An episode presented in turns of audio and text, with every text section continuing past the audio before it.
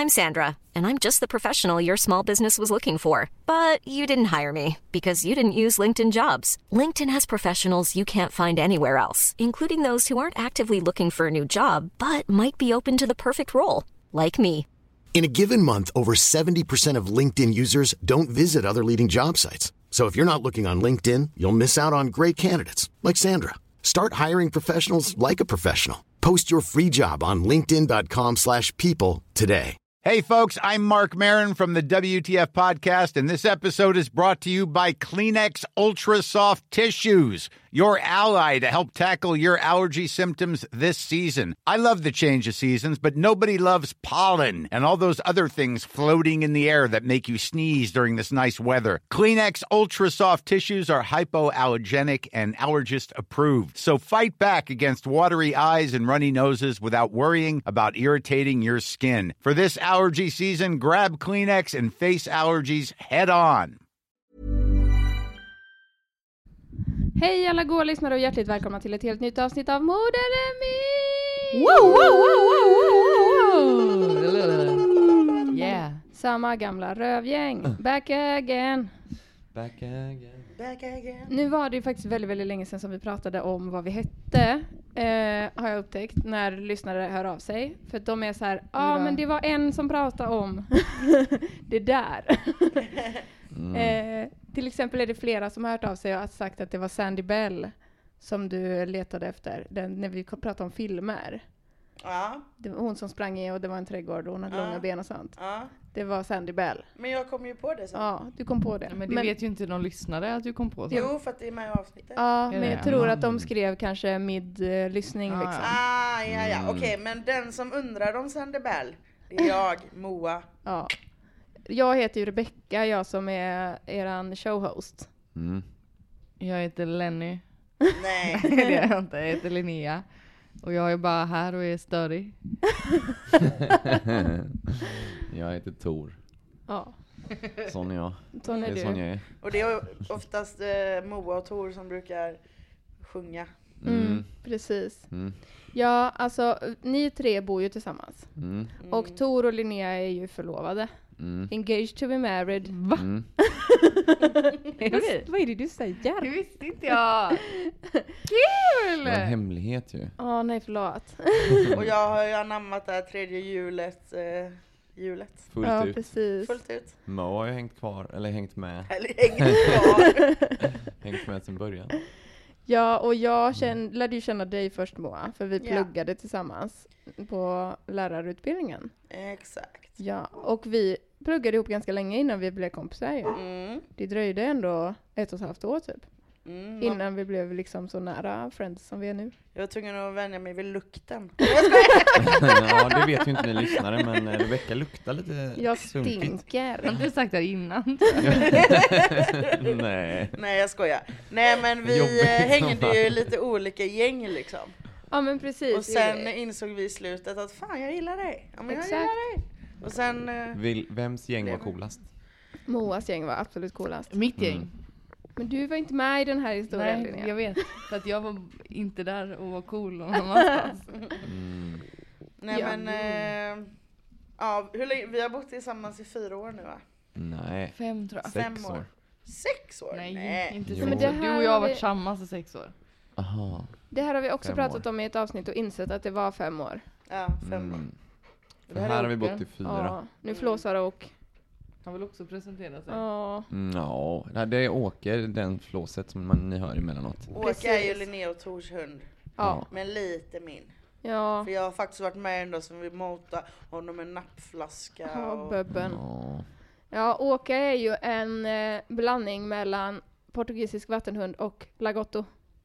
Mm. Och nu så är det någon som går förbi utanför fönstret så nu morras det lite. Mm. Och Åke är ju ganska stor hund, vad väger han? 20 kilo typ? Ja, ganska Ja. exakt 20 kilo. Ja. Och min hund Vincent som var med i förra avsnittet, han är ju också lagotto. Vad väger han då? 16 typ? 15 typ. Ja. Mm. Han är liten. Han är en liten plutt. Ja. Jag tänker också att en annan sak som vi pratade mycket om i början, när vi började podda, som vi inte har sagt på länge, det är att vi alla som sitter runt det här bordet har väl någon form av diagnos antagligen Nej, underliggande. ingen av oss har en diagnos. Ännu. Ja, ingen av oss har någonting på papper. Men vi är ju, sen så tror jag också så här, alla tycker ju att så här, det finns ju inte någon som är så här, jag är jättenormal. Ja, jag nej, är fullt precis. Jag är helt vanlig. korrekt fungerande på, i alla avseenden. Det tror Mm. jag inte, jag tror att alla tycker att så här, wow, jag är lite crazy, alltså. jag är lite Ja. weird. Jag tror inte det finns något som är liksom, man har en fantasibild om vem den normala liksom. Ja, Ja, precis. ingen är den. Är Men en- eh, Alltså ja. om jag jämför med mina andra vänner och er Ja. så är det ju något lurt på Ja, gång. men så känner jag också. Men jag tror också, vi kan, det kanske är också lite för att vi har skapat oss ett sammanhang som är liksom, det, det gränslösa är tillåtet. Mm. Mm. Och typ såhär, man får vara helt super crazy. Ja, man Mm. kanske håller tillbaka i andra. Ja men precis, så man kan får det se vara. exakt vad man vill i det här Exakt. rummet. Ja. Ja, och en annan sak som... Det Ja, men, som händer är att man blir bipad eller bortklippt och, eller får spela in ett helt nytt avsnitt eller sådär bara. Men, eh, men, men. Ja, ja, det är mycket gränslösa saker som har sagts i den här podden som jag har klippt bort. Så det som till slut makes the cut, om man säger så, det kanske också ibland smyger sig in lite olämpliga grejer, men så får ska det vi vara. lämna, eller ska vi lämna, ska vi eh, släppa ett avsnitt med bara alla, Det har jag tänkt alla faktiskt. bortklippta Oh. grejer? Ja. Och så Ja. får det vara liksom varning, varning, te- Nej men du gör trigger tre, warning, du gör trigger tre warning på det. avsnitt.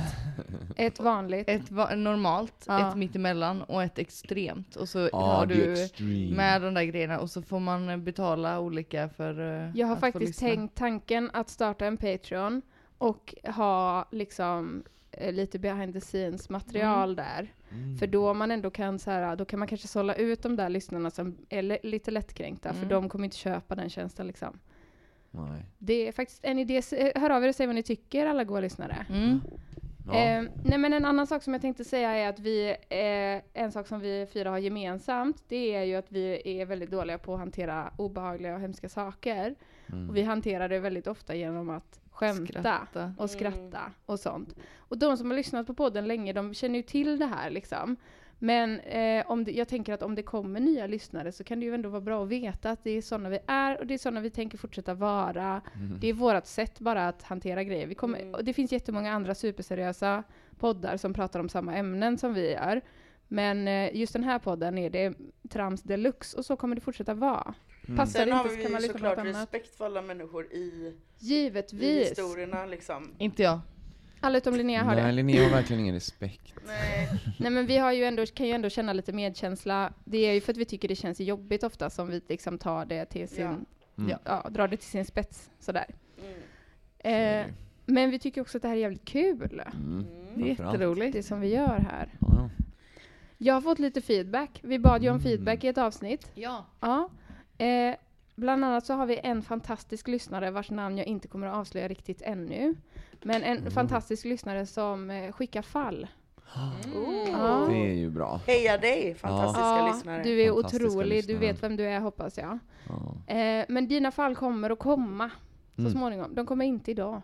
Men eh, de, jag håller på och skriver Mm. klart. Det är grymt alltså. Jag uppskattar det så jävla mycket. Du är en stjärna. ja, det är...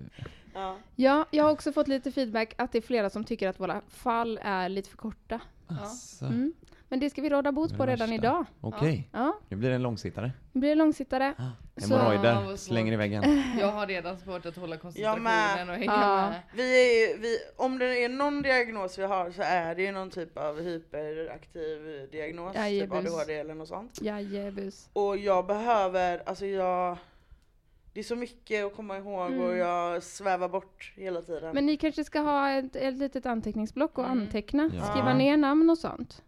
Det borde jag. Det har Ja. jag haft vissa gånger när vi har kört. Ja, precis. Mm. Vi kan ta en liten paus om ni vill gå och hämta något sen. Ja. Ja. jag vill också skicka en liten shout-out till eh, eh, Janna, som är en av mina bästa kompisar, vars pappa jag hade som lärare när jag var barn.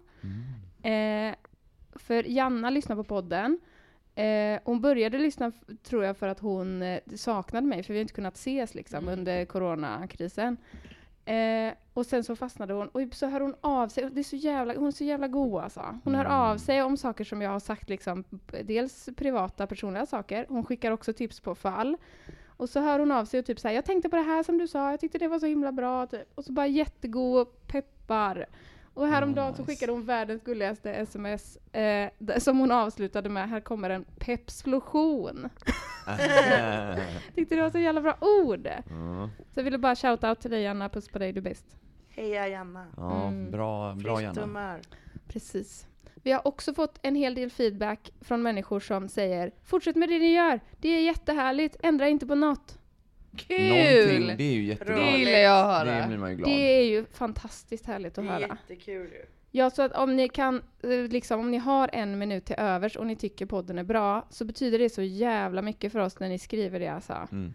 Otroligt. Verkligen. Ja, det värmer. Ja, det är underbart, verkligen.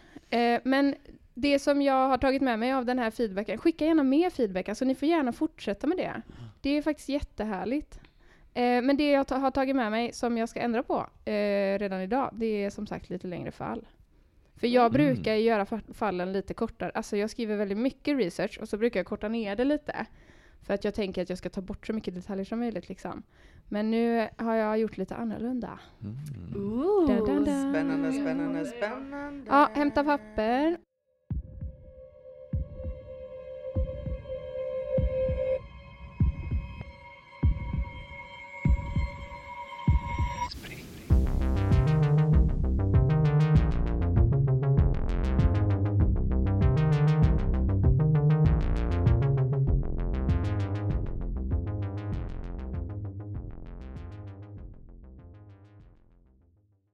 Okej. nu. Nu kör vi. Mm. Den 13 juni 1994 i San Antonio, Texas springer 13-årige Neo till parken för att spela basket med några kompisar. Tidigare under dagen har han bråkat med sin mamma Britta. Dagen därpå, den 14 juli, skulle han eh, ha gått på ett förhör. Senare samma dag, då, den 13, ringde Neo hem för att fråga om hans mamma kunde hämta honom i parken. Hans storebror Jakob, som svarade i telefonen, berättade att hon låg och sov och att han fick lov att gå hem. Neo hade lovat sin mamma att komma hem lagom till middagen, men det gjorde han aldrig. Hur gammal är Neo? 13. Så det kanske jag aldrig sa. Jo, det Jo. sa jag faktiskt. 13. Tror du? Det gör inget.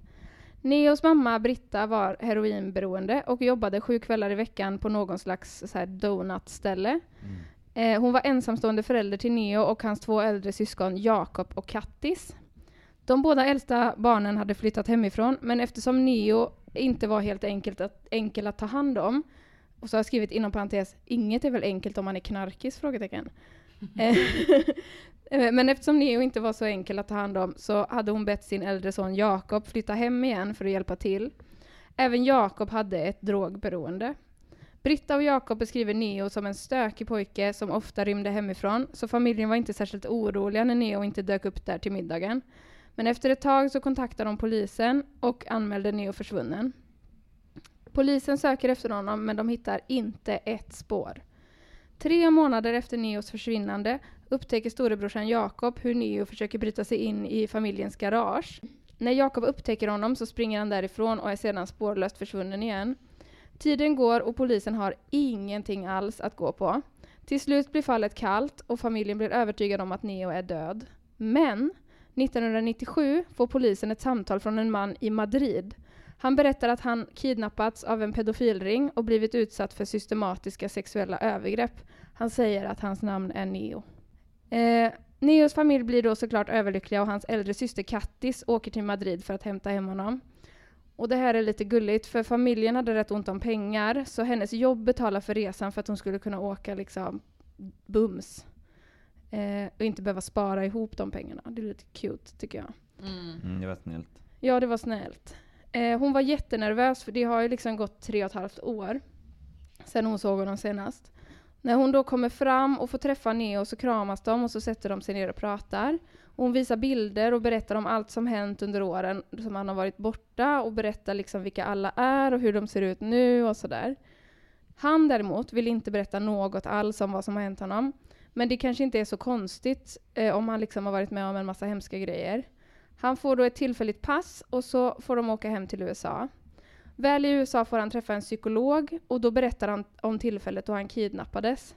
Han hade spelat basket med sina vänner när två män närmat sig honom. De pratade och sen höll de en trasa mot hans ansikte och han blev medvetslös. Han berättar att han sedan flugit med militärplan till Spanien där han hålls fången på flera olika platser av den här pedofilringen.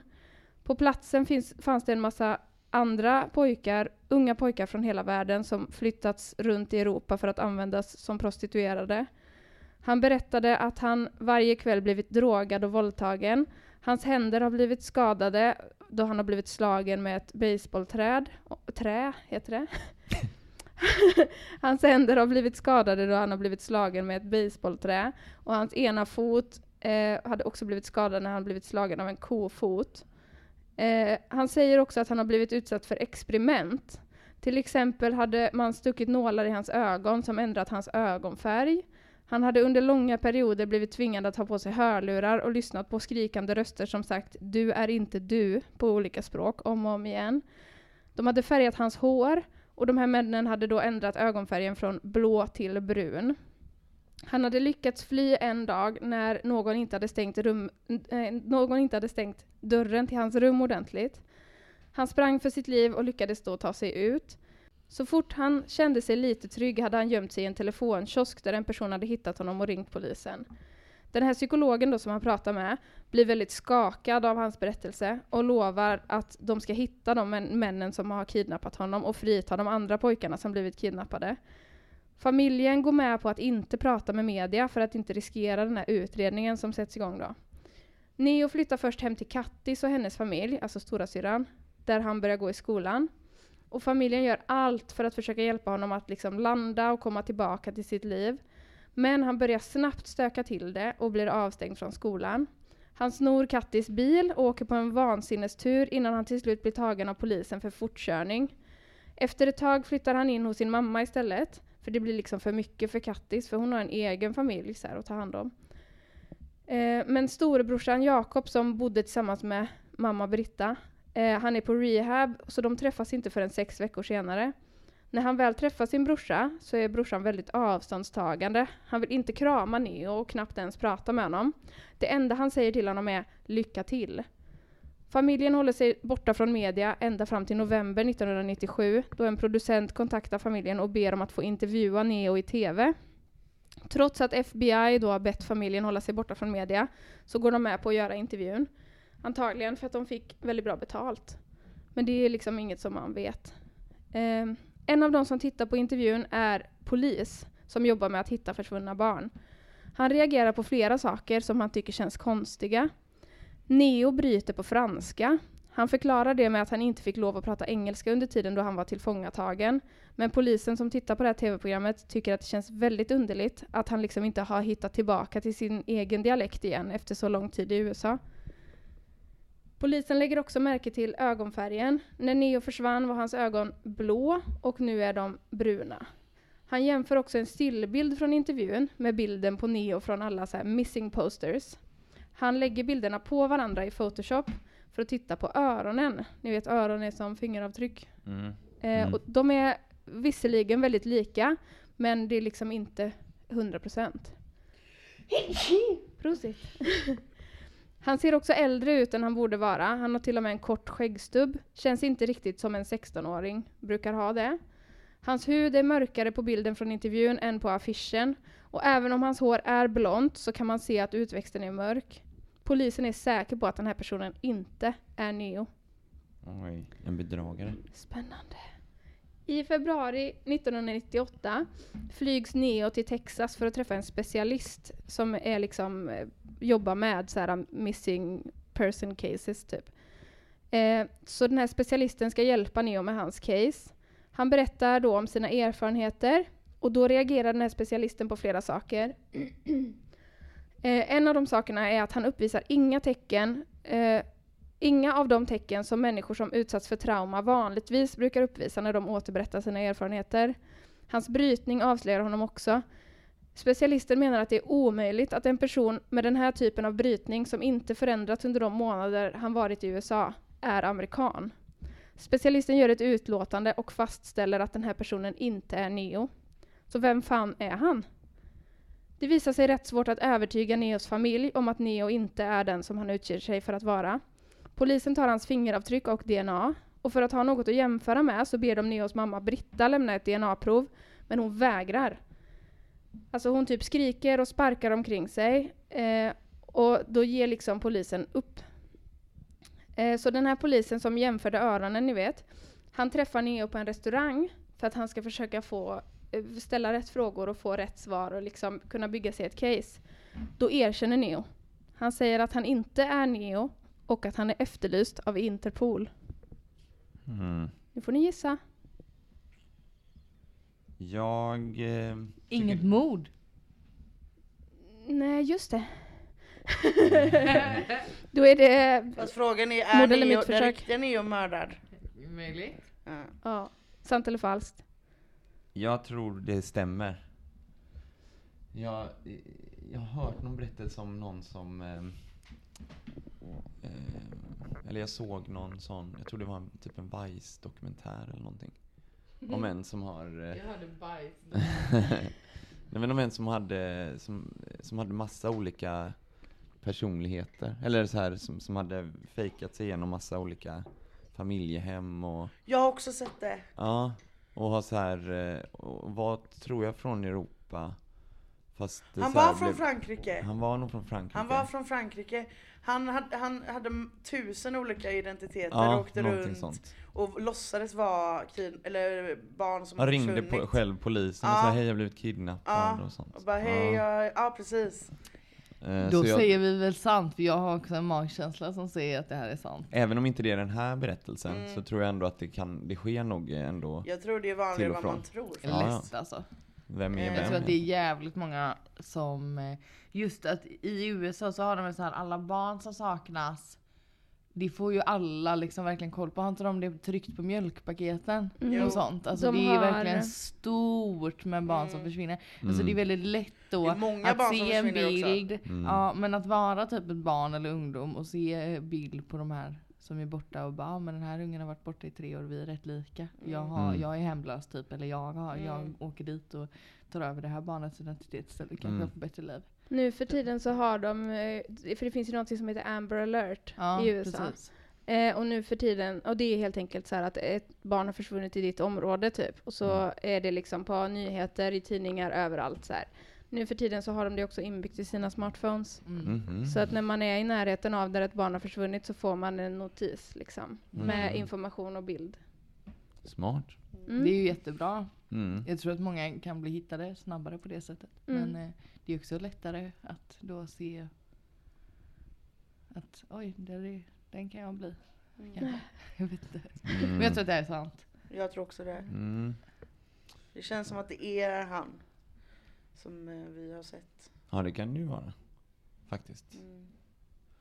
Men jag kommer inte ihåg vad det var som hände med den riktiga barnet. Nej, det fick man men- reda på också för mig. Ja, antingen så är han fortfarande försvunnen om man fortfarande inte vet. Ja. Eh, eller så... Mm. Jag vet inte. Neo betyder ju ny också. Jag vet inte om det är tanken. Ah, Du är något på spåren kan jag säga. Ah. Nysning. ny Ja. person liksom. Ja men ni svarar sant då. Ja. Ja. Ja, ni har ju rätt. Rätt svar. Ni har säkert sett eh, Netflix-dokumentären The Imposter. Nej. Eh, nej, men jag vet. Jo, det kanske är samma. Det Nej kan... jag har bara sett ett inslag på Facebook så här, något klipp typ på någon. ah. Som, Ja, för det, den finns ju inte på svenska Netflix, den eh, dokumentären, men den finns i många andra länder och den handlar ju om just det här fallet. Mm. Aha. Det här är berättelsen om den försvunne tonåringen Nicholas Barclay. Och mannen som påstått sig vara Niklas, eller eh, Neo, han heter Fredrik Bourdon. Ah, känner ja, det var den. Det var det. ja, det, var det. han ja. Den här eh, Fredrik då, nu jag försvenskar de här namnen, Niklas och Fredrik. Ja. Eh, Fredrik har haft en vidrig barndom. Hans mamma fick honom som väldigt ung. Jag tror att hon var typ så 16, 17 kanske. Eh, hans pappa lämnade familjen. Han fick väldigt lite, om ens någon kärlek alls, när han växte upp. Och han började tidigt hitta på saker för att få uppmärksamhet. Han har gjort exakt samma sak tidigare, alltså Mm. påstått sig vara olika försvunna barn, med förhoppningen att få bli omhändertagen av en familj. Alltså det är så Mm. sorgligt. Ja, det är hemskt ändå Det är liksom hemskt för alla. Ja, usch. Eftersom han då är efterlyst i Europa så tänker han, ja men jag försöker ta mig till USA. Så han ringer till en polisstation från ett barnhem och låtsas vara en polis. Och så säger han typ att han har en ung kille framför sig som är Ja. hittad i en telefonkiosk Mm. och som inte vill berätta vem han är. Mm. Eh, han ger en väldigt vag beskrivning av den här då killen, alltså sig själv, och får reda på hur Nicholas ser ut. Polisen som, pratar, som han pratar med faxar en bild och eftersom Niklas, Nicholas och han själv, Fredrik, eh, är något lika så säger han typ ja men det skulle kunna vara han kanske. Sen påbörjar han då sin förvandling. Han färgar håret blont och ber en tjej på det här barnhemmet göra en tatuering på hans hand, en likadan som Nicholas hade. Bokstaven T mellan tummen och pekfingret. Mm. Sjukt att en 13-åring har en tatuering, by the way, Mm. På Riktigt handen. tungt. Det känns, ja. det känns ju om som man har att... en heroin, heroinistmamma så kanske... Är det ett te som i Texas? Jag vet inte faktiskt. Han kanske hade något smeknamn på T, jag har ingen aning. Eh, när den här systern sen då kommer och ska hämta hem honom så visar hon en massa bilder och då berättar hon vilka alla är på bilderna. Mm. Hon Ja. säger liksom, där är mamma, där är din bror, där är den här farbrorn och sådär liksom. Mm. Eh, och när de senare ska försöka göra ett test för att se om han verkligen är Nicholas, då visar de de här bilderna och ber honom Mm. identifiera dem, för de vet inte att systern har berättat allt. Mm. Och då kan han ju Ah. det liksom. Eh, det är bara en av de bilderna som han inte har sett förut, som han inte kan identifiera. Men då är liksom domaren redan övertygad om att så här, han har klarat det testet liksom. Mm. När de sitter där på den här restaurangen och han har erkänt så kommer polisen och hämtar honom. Under tiden han sitter i häktet så ringer han typ 100 familjer. Och det här är inte något jag har dragit ur röven utan det står liksom i mina källor 100 familjer. Och påstår att han har information om deras försvunna barn. Eh, sen hittar Mm. han på olika grejer. Eh, under tiden han sitter i häktet funderar han också på hur han kunde komma undan med det här så länge. Typ varför berättade syrran allt om familjen när hon visade bilder? Varför hade storebrorsan sagt lycka till? Och varför ville inte mamman lämna sitt DNA för att undersöka om han verkligen var den han sa att han var? Mm. Eh, Fredrik ringer då till polisen, eller pratar med polisen kanske, eftersom han sitter i häktet, eh, och berättar att Nicholas Barclay är död. Han säger att brorsan och mamman har erkänt för honom att de har mördat Nicholas och gjort sig av med kroppen. Han säger också att Nicholas mamma en kväll varit påverkad av alkohol eller droger när han bodde hos dem. Och då ska hon ha sagt att hon visste att han inte var Nicholas och sagt att Gud hade skickat honom för att straffa henne. Men det går ju inte att tro på någonting som den här mannen säger. Nej, Mm. nej. Eh, så polisen startar en utredning ändå, för de är också ganska säkra på att mamman och brorsan vet någonting. Eh, men de nekar båda två. Polisen, eh, Mm. en tid senare dör Nikolas storebror i en kokainöverdos. Då hade han varit ren ett helt år och då misstänker polisen att det rör sig om ett självmord. Så Mm. de är väldigt misstänksamma mot den här brorsan. Mamman säljer till slut sitt hus och efter ett tag ringer den nya husägaren polisen och berättar att det är en fläck i trädgården som hunden hela tiden är på. Han säger också att när, de, när han undersökt den här platsen har han hittat typ en bit presenning eller något liknande. Och polisen kommer dit och gräver upp platsen men de hittar ingenting. Mm. Det är som en berg och dalbana i det här Ja. fallet, alltså man hoppas hela tiden. Eh, men eftersom det inte finns någon kropp, det finns inga bevis, det finns inga ledtrådar, så läggs utredningen till slut ner. Och Fredrik Bourdain spenderar resten av sin tid i fängelset med att ringa olika typer av medier för att erbjuda sin berättelse. Till slut deporteras han till Frankrike och efter tre månader i det fria tas han in av polisen då han låtsas vara en annan försvunnen tonåring. Och det här händer en gång till sen. Mm. Det är ju väldigt oklart vad han har begått för brott. För det är liksom svårt att få honom dömd eftersom han inte verkar ha något brottsligt uppsåt. Han är ju inte ute efter pengar eller att skada någon eller så här, även om han gör det. Mm. Eh, han vill ju egentligen bara ha uppmärksamhet och kärlek. Han har haft 18 olika alias som är kända av Interpol när han har låtsats vara andra försvunna barn. Till slut då så gifter han sig med en kvinna som är ett av hans största fans. Alltså hon söker upp honom Mm. och tar kontakt med honom och bara typ så jag älskar dig. Ah, Det är också så sjukt. Nu har han fem barn och är kändis på Youtube. Vart Nicholas Barclay är och om han lever eller inte är fortfarande okänt. Mm. Mm. Ja. Ja men det är nog väldigt många barn som Sjukt. försvinner spårlöst som man inte hittar någonsin. Mm. Ja. Det är så hemskt alltså. Det är så fruktansvärt Ja. hemskt ja. Eh, jag ska säga att jag har lyssnat på Case File, avsnittet som heter Case 165, Nicholas Barclay, och jag har läst på Wikipedia om det här fallet. Det Mm. finns mer information om Fredrik Bourdain än om Nicholas Barclay, vilket fick Ja. mitt hjärta att brista lite. Mm. Men hade han linser i då eller? Nej, utan han sa ju att han... För Som honom hade petat honom i ögonen Ja, och han- ändrat han hans, sa- hans Han sa det. Nicholas hade ju blåa ögon och Fredrik Mm. hade bruna. Ja. Så förklaringen Aha, ja, att- ja, ja, nu fattar jag. Det är fortfarande jätta, ja! Ja, ja, ja, ja. ja. Ja, vidrig kille alltså. Verkligen. Det, och det är så jävla sorgligt. Alltså allting är sorgligt i det här fallet. För Nicholas Barclay levde ju uppenbarligen ett väldigt sorgligt liv med den här knarkiga morsan. Och att typ, hon är inte ens hemma, hon, han är väldigt så stökig i skolan. Och så den här brorsan som också är knarkig. Och syrran som bor långt bort och inte vill ha så mycket kontakt. Alltså det är bara, det är bara för mycket hemska berättelser liksom. Mm. Åh, det är så sorgligt. Hoppas att han har flytt och är, bor någonstans och mår prima. Och bara fått komma undan det här och skapa sig ett eget liv. Tyvärr är det ju säkerligen inte så men det är så jävla ledsamt tycker jag. Mm. Mm. Verkligen. Vad tror ni har hänt då? Tror ni det är morsan och brorsan som är skyldiga? Nej, det behöver det kanske inte vara. Alltså, Mm. kan lika gärna, jag tänker, bor man i ett tufft område, kommer från en tuff familj. Mm. Det kan ha hänt lite vad fan som helst egentligen. Ja. Han kanske till och med har tagit livet av sig. Mm. Typ hoppat ner i något vatten, jag vet inte hur långt det är. Eller och spolats iväg. Mm. Och därför har aldrig hittats. Jag vet Och inte. om mamman är missbrukare så finns det ju en risk att även eh, att Mm. om hon använder när Just det. eh, han låg i magen så kan det ju vara så att han också är drogberoende och typ Mm. har satt sig under någon bro någonstans med ett gäng Mm. Med nål i armvecket liksom. Mm. Och typ bara dött där. Och jag menar för sådana fall utreds ju inte. Nej Alltså precis. missbrukare dör ju hela tiden utomhus. Mm. Trillar ner i floder och... Det, du sa ju det att han också oftast liksom drog hemifrån. Mm. Han kan ju liksom ha gjort det och så har det hänt någonting, typ att han Mm. har skadats eller något på vägen och så har han hamnat i något dike någonstans och ruttnat. Ja men Mm. precis. Det kan ju också vara så att, för de är ju väldigt dåliga på att kommunicera över eh, statliga gränser. Exakt. Mm.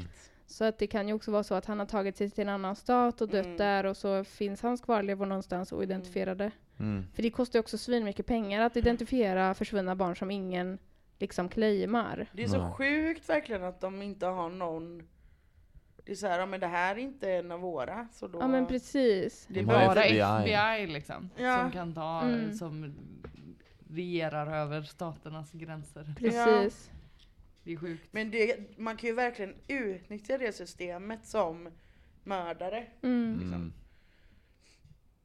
Ja men precis. Som han, eh, Toybox Killer, Mm. Mm. gjorde. Ja men också som den här eh, serien på Netflix med hon som blir eh, eh, våldtagen, överfallen i sitt hem. Ja, ja. Mm. Vad Som fan heter den? Eller det var inte. Unbelievable tror jag den Ja, heter. just något det. sånt. Ja, Mm. fan, den Ja var för då är det också så här att eh, gärningsmannen liksom är i olika Stater. stater. Mm. Mm. Och då kan de inte liksom knyta ihop säcken till att det är han. Att Nej, han är en precis. serievåldtäktsman liksom. Mm. Det är så sjukt. Ja, det är ju verkligen vansinnigt. USA är så jävla stort. Ja. USA är ju... Mm. Nej, jag ska... Tänkte säga big. Nej, det tänkte jag säga. Ja, i förra avsnittet fick ju eh, eh, USA en rejäl avhyvling av oss också. Ja, det kanske räcker där liksom. Men Vi hatar USA. politik pratar vi om då. Mm. Nu har jag målat en, ett, eh, nytt konstverk som jag också kan lägga ut på Instagram. Mm. Mm, snyggt. Åh, vilken fin snopp. Det är en snopp. Jättefin. Den var faktiskt eh, Ja. inte dum alltså. Nej. Du är så Väldigt duktig. ådrig. Älskar också att du har skrivit bajs där uppe i jättefin skrivstil. Kalligrafi. ja. Vi kanske skulle ta en bild på alla våra anteckningar. ja, men Linneas Eh, måste lägga vi ju, nu när vi har pratat om dem så måste det ju liksom komma ut i Tycker jag etern. verkligen. Herregud. Det känns eh, bra när man pratar om sån här Nej allvarlig fy, grej. jag tycker verkligen, jag är ju, alltså när det handlar om barn då blir Ja, jag jag... vet. Du är emot barnrov. Ja, jag är också emot. Ganska ändå. Ja. Nej, jag ska. Nej men jag blir väldigt illa berörd när det gäller barn. Jag Ja. har ju... Ja, jag tycker också det här fallet är, jag tvekade om jag skulle ta med det eller inte. Men så kände jag liksom att det, det är så mystiskt. Mm. Så att det liksom passar bra i eh, Men det är så skumt också så att vissa barn som försvinner blir det en jättestor grej Mm. kring. Mm. Och vissa inget, inget, hör man inget alls. mm, Typ som hon Madeleine. ja, Det har ju liksom pågått flera år liksom att media har blossat upp hennes försvinnande. Mm. hon som försvann i Portugal. Ja. Mm. Mm. Och sen har vi ju vissa som det är så här. Försvinner väl barn hela tiden? Ja det försvinner barn hela tiden. Det gör ju Men, det. och även här i Sverige att man sprider information. Mm, Framförallt om typ vita barn. mm. Mm. Ja men det var ju ett exempel bara nu för någon vecka sedan i Storbritannien. Två unga flickor som försvann ungefär samtidigt. Den ena tjejen heter Sarah och hennes kvarlevor tror jag man har hittat nu. Men den andra tjejen heter Blessing. Och Blessing är liksom, det står ingenting om henne i tidningarna. Nej. Det är Mm. ingen som letar efter Mm. henne. Usch. Det är också Mm. så jävla sorgligt alltså. Åh, jag tycker det är sånt, alltså det här fallet är så, man hoppas och hoppas verkligen att man ska få veta vad som har hänt. Men det har liksom gått så lång tid också nu, så nu är det liksom hoppet ute. Mm. Åh, det är så Men hur går hemskt! man Ja, man kanske inte lever någon annanstans och mår bra av det här. Ja, för det får, det får vi ju ändå hoppas. Ja. Att han Mm. lever och frodas någonstans Men och man lyckas tänker ta sig ju så här- därifrån. Kanske inte just på Britta nu då, eller vad hon heter på riktigt. Mm.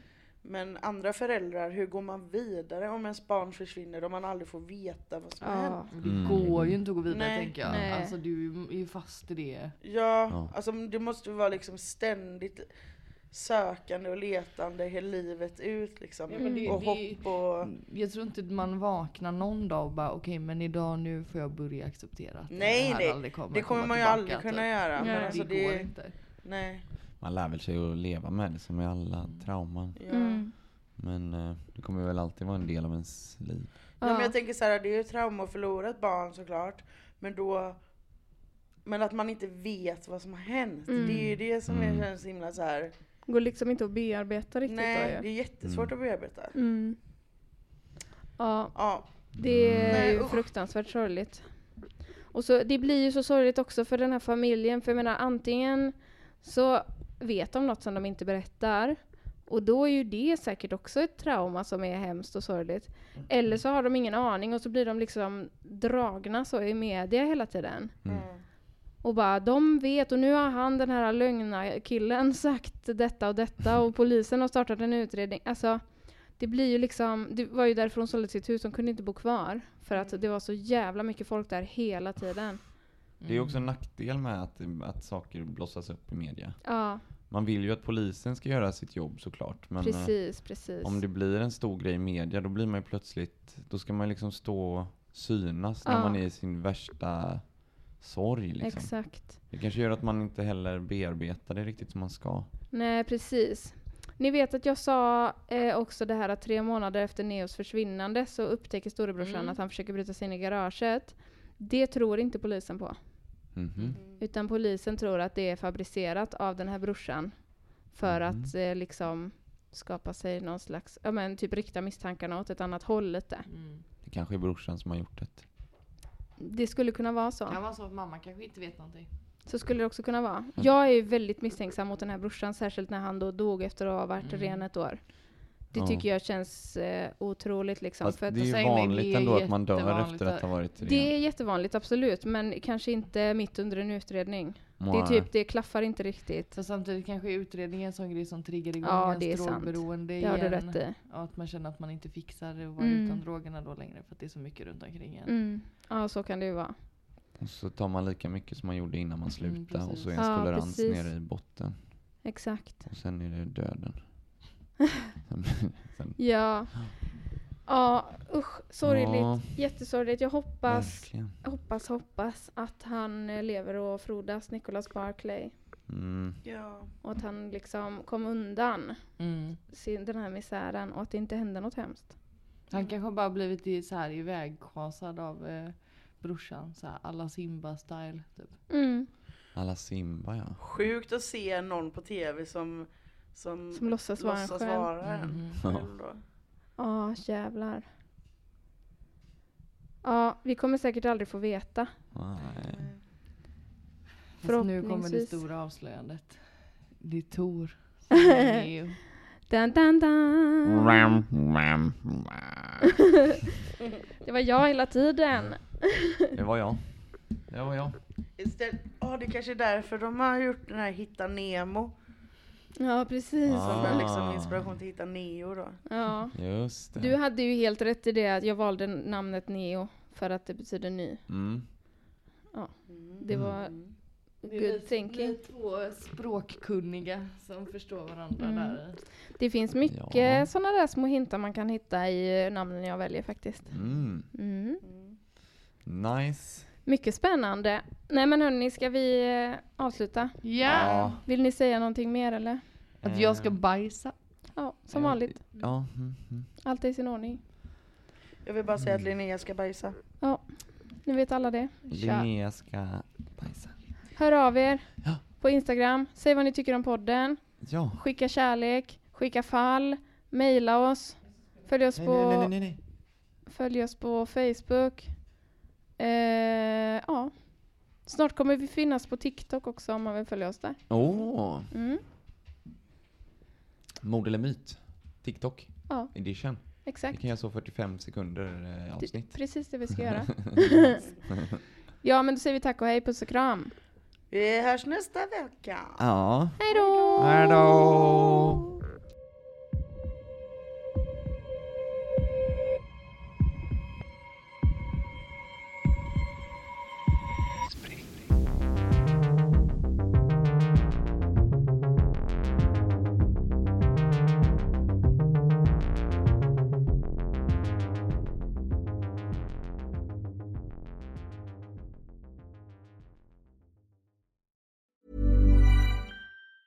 Hi, I'm Daniel, founder of Pretty Litter. Did you know cats tend to hide symptoms of sickness and pain? I learned this the hard way after losing my cat, Gingy. So I created Pretty Litter, a health monitoring litter that helps detect early signs of illness by changing colors, saving you money and potentially your cat's life. Pretty Litter is veterinarian developed, and it's the easiest way to keep tabs on your fur baby's health right at home. Go to prettylitter.com and use code ACAST for 20% off your first order and a free cat toy. Terms and conditions apply. See site for details. Even when we're on a budget, we still deserve nice things.